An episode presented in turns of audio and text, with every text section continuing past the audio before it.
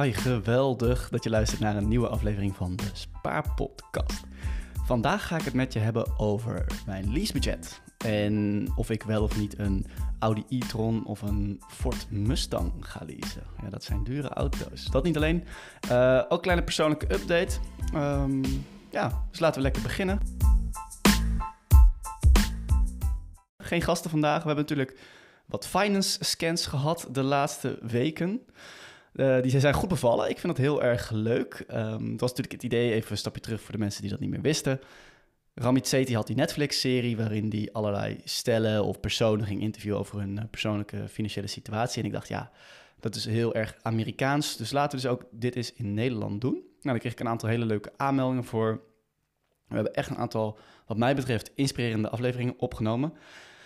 Maar tegelijkertijd heb ik ook een polletje gehouden van wat vinden jullie hier nou van? Nou, 62% van de mensen vond het echt een goed idee om hiermee door te gaan. Uh, maar er was ook uh, ja, ongeveer 30% van de mensen die zeiden van nou, um, de afwisseling is ook wel fijn.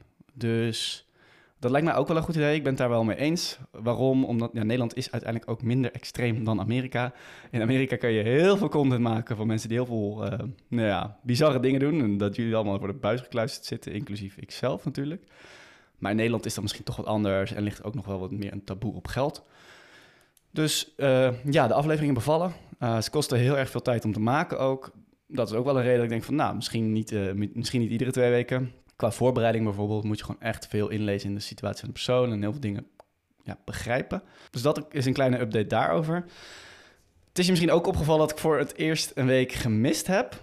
Um, nou, nu had ik begin januari al een keer gezegd van... hey, ik ga sowieso nu afleveringen maken op gevoel, wanneer ik er zin in heb. Nou, dat gevoel is er vandaag in ieder geval wel heel erg sterk. Maar eigenlijk de rest van het jaar bleef ik maar gewoon eerst aan mijn wekelijkse frequentie vasthouden... en later aan de tweewekelijkse frequentie toen ik een nieuwe baan begon. Maar nu waren we vorige week op vakantie en... Um, ja, toen dacht ik van, nou, ik vind het eigenlijk wel goed zo. Dus um, de podcast blijft voor mij iets heel speciaals. Uh, nog steeds ontzettend dankbaar dat ik content mag maken en wil blijven maken, uh, waar jullie graag naar luisteren. Maar ja, het kan dus wel gebeuren de komende periode dat het niet zo uh, ja, consistent is als je van mij gewend bent. En ik, ja, ik ben daar zelf in ieder geval helemaal oké mee. Tenminste, ik deel het omdat ik misschien... Ik vond het zelf wel heel erg gek na zoveel jaar. Dat het dat ik dat een keer moest missen. En het was best wel een, grote hurdle of zo. Echt wel een horde waar ik overheen moest mentaal van wow, gaan ze me niet missen? En nou, ik zweer het, weet je hoeveel berichten ik heb gehad? Nul. Dus, dus ik denk dat consistentie belangrijk is. Uh, maar na zoveel jaar hoop ik dat ook gewoon de luisteraars uh, trouwe luisteraars zijn... en dat ze vanaf deze aflevering gewoon weer lekker oppakken. Dus um, ja, ik heb natuurlijk in de teaser al gezegd over mijn leasebudget. En ik heb net al genoemd dat ik een nieuwe baan heb, zo'n drie maanden. Dus daar wil ik sowieso iets meer over vertellen. En dan ga ik natuurlijk vertellen wat er allemaal gebeurde met dat leasebudget. Want ik denk dat dat wel echt een, een schitterend verhaal was over hoe mijn brein ook werkte. En um, dat is heel erg sterk gerelateerd aan keuzes uh, rondom persoonlijke financiën. Ja, wat betreft die baan, ja, daar heb ik ook wel iets opvallends eigenlijk. Want wat, het, wat mij opvalt is, eigenlijk heb je een soort van... Nou, in mijn hoofd een soort van twee kampen. Je hebt het kamp, hey, ik wil eigenlijk steeds minder werken, meer vrij... Um, uh, wel een goed salaris natuurlijk, uh, maar bijvoorbeeld nou, sabbaticals, 32 uur, misschien wel 24 uur. Gewoon genieten van het leven en misschien wel fire worden. En dan met name de gedachte van, hey, laten we dan zoveel mogelijk uh, frugal living. En frugal is heel erg van, nou, niet te veel uitgeven, zoveel mogelijk aflossen op je hypotheek, een aantal van dat soort kenmerken. Maar ik zit zelf momenteel veel meer aan de, hey, hoe kan ik dingen groter aanpakken kant. En um, ja, hoe kan ik meer investeren? Hoe kan ik um, misschien wel mijn tijd nog beter benutten in plaats van Netflix uh, nu wat anders doen? En het grappige is dus dat ik de afgelopen jaren altijd 32 uur heb gewerkt naast de podcast, maar dat ik nu ja, 40 uur werk, maar als ik eerlijk ben, de afgelopen drie maanden daar wel ruim overheen ga. Dus ik ben meer gaan werken. En daar hebben we veel gesprekken over gehad, ook met vrienden en zo, van waarom zou je dat doen? Dus nou, laten we zeggen dat ik anderhalf keer zoveel ben gaan werken. En enerzijds heb ik dan meer stress, natuurlijk. Um, ik merk ook dat ik veel minder flexibel ben. Dus voorheen kon ik veel makkelijker uh, op donderdagmiddag iemand helpen of, en dan even wat schuiven. Omdat hij altijd zo'n soort van vrije dag had die flexibel was. En dat is, dat, is, dat is gek, dat is lastig, dat is ook niet makkelijk. Maar tegelijkertijd heb ik soms s'avonds meer energie. En heb ik meer zin om aan de slag te gaan met wat we aan het bouwen zijn. En ehm, ik ben dan consultant geworden, maar er zijn wel bepaalde afspraken dat uh, ik ben bezig met het opzetten van een nieuwe BV. En als ik natuurlijk uh, ja, deel kan nemen in een BV, dan is het natuurlijk financieel gezien uiteindelijk, hopelijk, daar gaan we dan vanuit, uh, ook aantrekkelijk.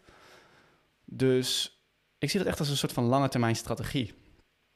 Waarbij je niet per se nu minder hoeft te gaan werken. Ik heb juist heel erg veel energie en ik heb juist heel erg veel zin in. Dus ik heb gewoon een soort gezegd van... ik ga in ieder geval een half jaar lang echt, echt volle bak knallen. En, dan, en dat ben ik ook echt aan het doen. Dus ochtenden, avonden regelmatig, uh, in het weekend regelmatig. En, het, en, en, ik vind het heerlijk. Dus dat is misschien ook wel de reden dat, ja, dat ik dan bijvoorbeeld nu um, een week gemist heb. Er zijn wel een aantal dingen die ik natuurlijk met mezelf afspreek. Ik heb een aantal non-negotiables om zo hard te kunnen werken, te knallen. Uh, om een, in mijn optiek een, een groter doel te bereiken. Dat niet alleen financieel gedreven is. Dat is gedreven door dat ik geloof dat ik op die manier een grotere impact kan maken op de wereld. Een duidelijkere stempel kan drukken. Uh, ja, dat, dat, dat, is gewoon super vet. Dus ik wil je dat gewoon meegeven van... hey, er zijn dus twee manieren om ergens te komen, of misschien wel meer manieren dan dat. Ik kan er nog een beetje tussenin gaan zitten. En ik merk gewoon dat de meeste aandacht online uitgaat naar de, de eerste manier van los meer af op je hypotheek. Dat is heel erg populair. Maar wat als je wel die site dus kan volhouden? Dus ik ben anderhalf keer zo gaan werken. En toch voel ik me nog gemotiveerd om bijvoorbeeld voor de podcast iets op te nemen. En dat, ja, dat, dat is dat, omdat, omdat dingen zijn geworden die niet alleen financieel iets opleveren, maar ook die daadwerkelijk stukje purpose geven. Bedankjes van mensen. Uh, ja, dat je gewoon bijdraagt aan een betere wereld. En dat is uiteindelijk voor mij veel leuker dan die Netflix-serie of andere dingen. Dus daarmee wil ik niet recht praten dat ik nu misschien wel uh, mogol ben, want hè, je neemt risico's, je gaat ondernemen. Dus uh, ja, dat kan ook fout gaan. Je kan je ook hard op je bek gaan. Maar al die avonden eh, dat, het, dat dingen lukken en dat dingen dat je ergens voor gaat, dat je ergens zoveel passie voor hebt. Ja, dat, dat gun ik gewoon iedereen. En, en dat merk ik aan mijn energielevel en aan mijn enthousiasme. Uh, dat merken mensen weer aan mij. Uh, dat werkt zo versterkend. En ik gun het gewoon dat je dat ook dat vindt. En um, ja, dan heb ik soms wel eens medelijden met de mensen die ik spreek... die wel voor het geld puur een baan doen.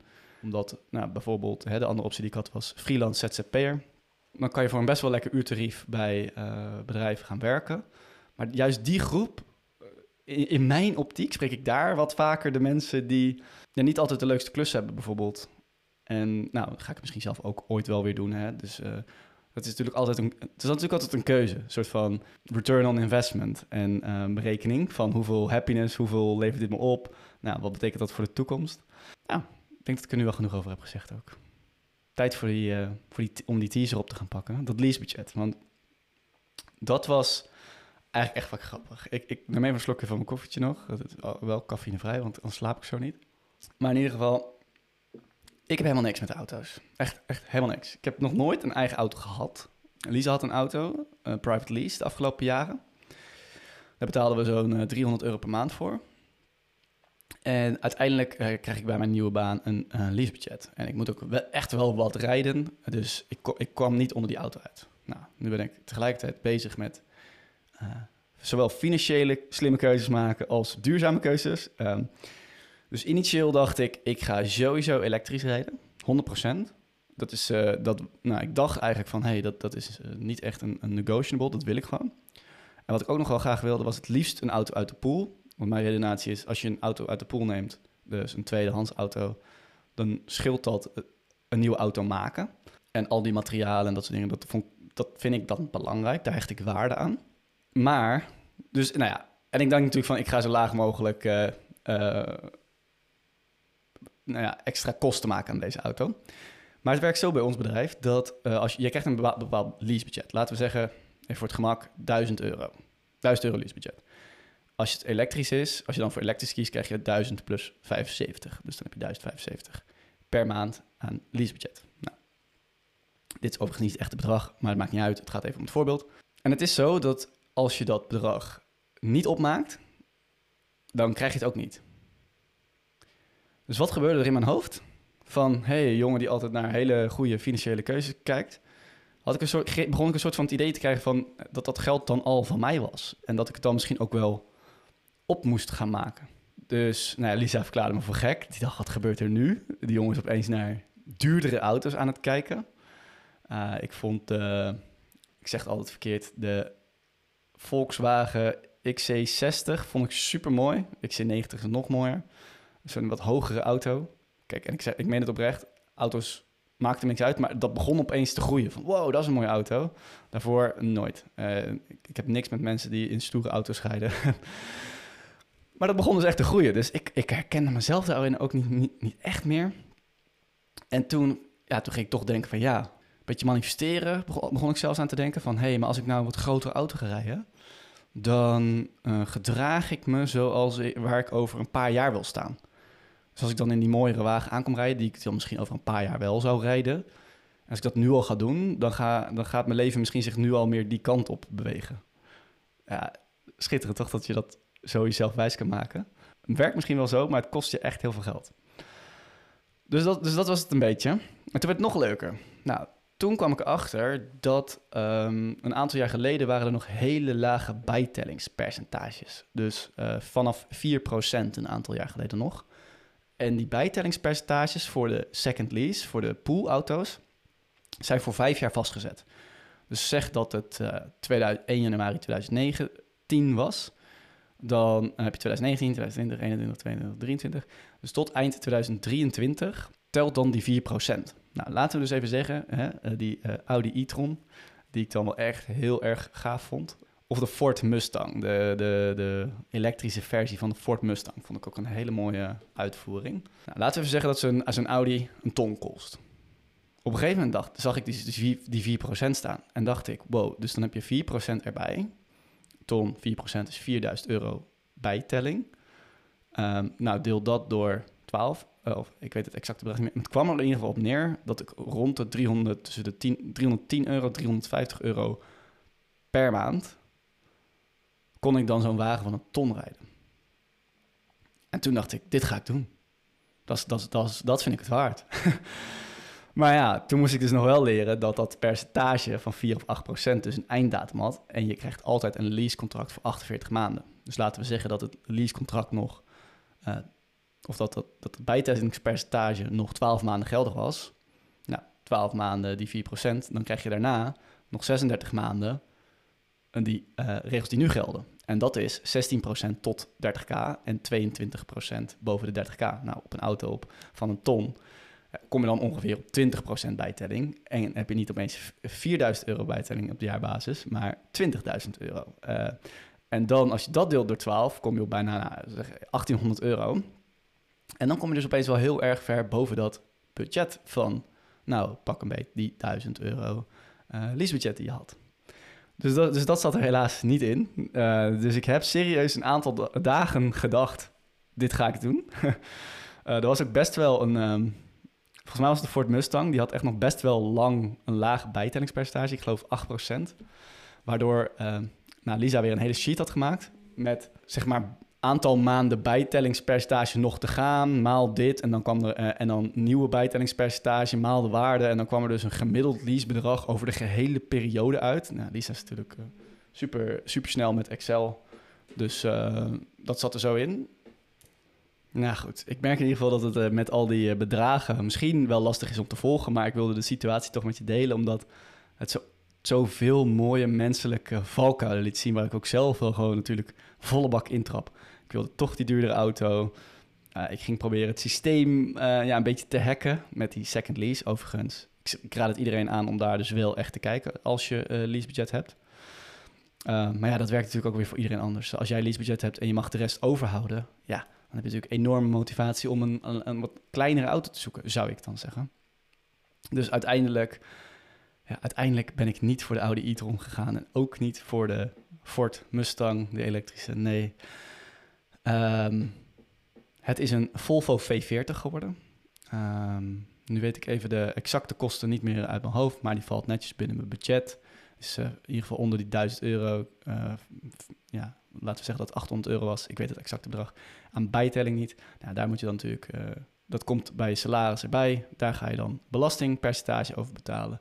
En dat is wat het dan netto per maand kost. Nou ja, nu ging eerst altijd al 300 euro per maand uh, naar de uh, private lease auto. Daar zat dan zeg gemiddeld 100 euro per maand aan um, benzine bij.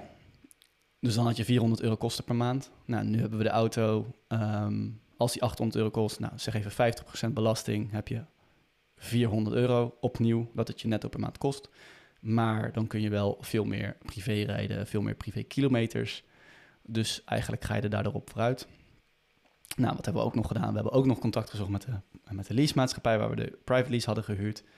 Uh, en uh, gevraagd of we de auto eerder konden inleveren, want we zaten ook al op het maximum aantal kilometers.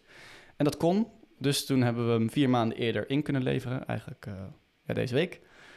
En, en, dat bespaarde in ieder geval voor ons weer vier keer 300 euro. Dus dat was toch 1200 euro. Nou, zo zie je hoe een autokeuze uh, heel veel uit kan maken. We vinden het enorm belangrijk om maar één auto te hebben. Um, om als de een dan een auto nodig heeft, dat op elkaar af te stemmen of met het OV te gaan. En uh, ja, ook wat zo'n leasebudget met je kan doen, met mijn hoofd kan doen.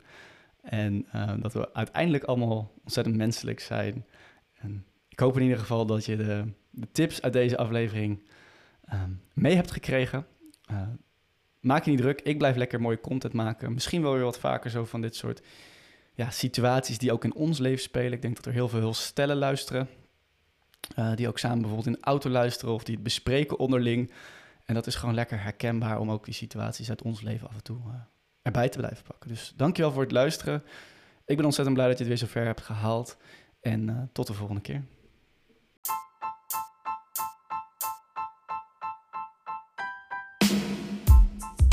Bedankt voor het luisteren naar de Spaarpodcast en gaaf dat je het helemaal hebt gehaald tot het einde van deze aflevering. Ik hoop dat je hebt genoten en ik hoop dat je iets hebt opgestoken. Mocht je deze content waarderen, dan zou ik het in ieder geval heel erg tof vinden als je een uh, review achterlaat of bijvoorbeeld de aflevering deelt met je vrienden of familie. Heb je nu een vraag voor mij, bijvoorbeeld over ondernemen of over persoonlijke financiën? Stel hem dan uh, op Instagram, de Spaarpodcast, of mail mij op robin.despaarpodcast.nl. En wie weet behandelen we dan jouw vraag wel in de volgende podcast. Nou, mocht ik nu zelf het antwoord niet weten, dan vraag ik natuurlijk een van de experts uit mijn netwerk om met een mooi antwoord te komen. Wil je niet alleen een vraag stellen, maar gewoon heel je levensverhaal delen? Dat mag ook. Uiteraard onder bepaalde voorwaarden. Je kunt te gast zijn. Uh, vul dan even het formulier in wat je kunt vinden in de show notes. En dan kijken we of we uh, samen tot een mooie aflevering kunnen komen. Nogmaals, ontzettend bedankt voor het luisteren en tot de volgende keer.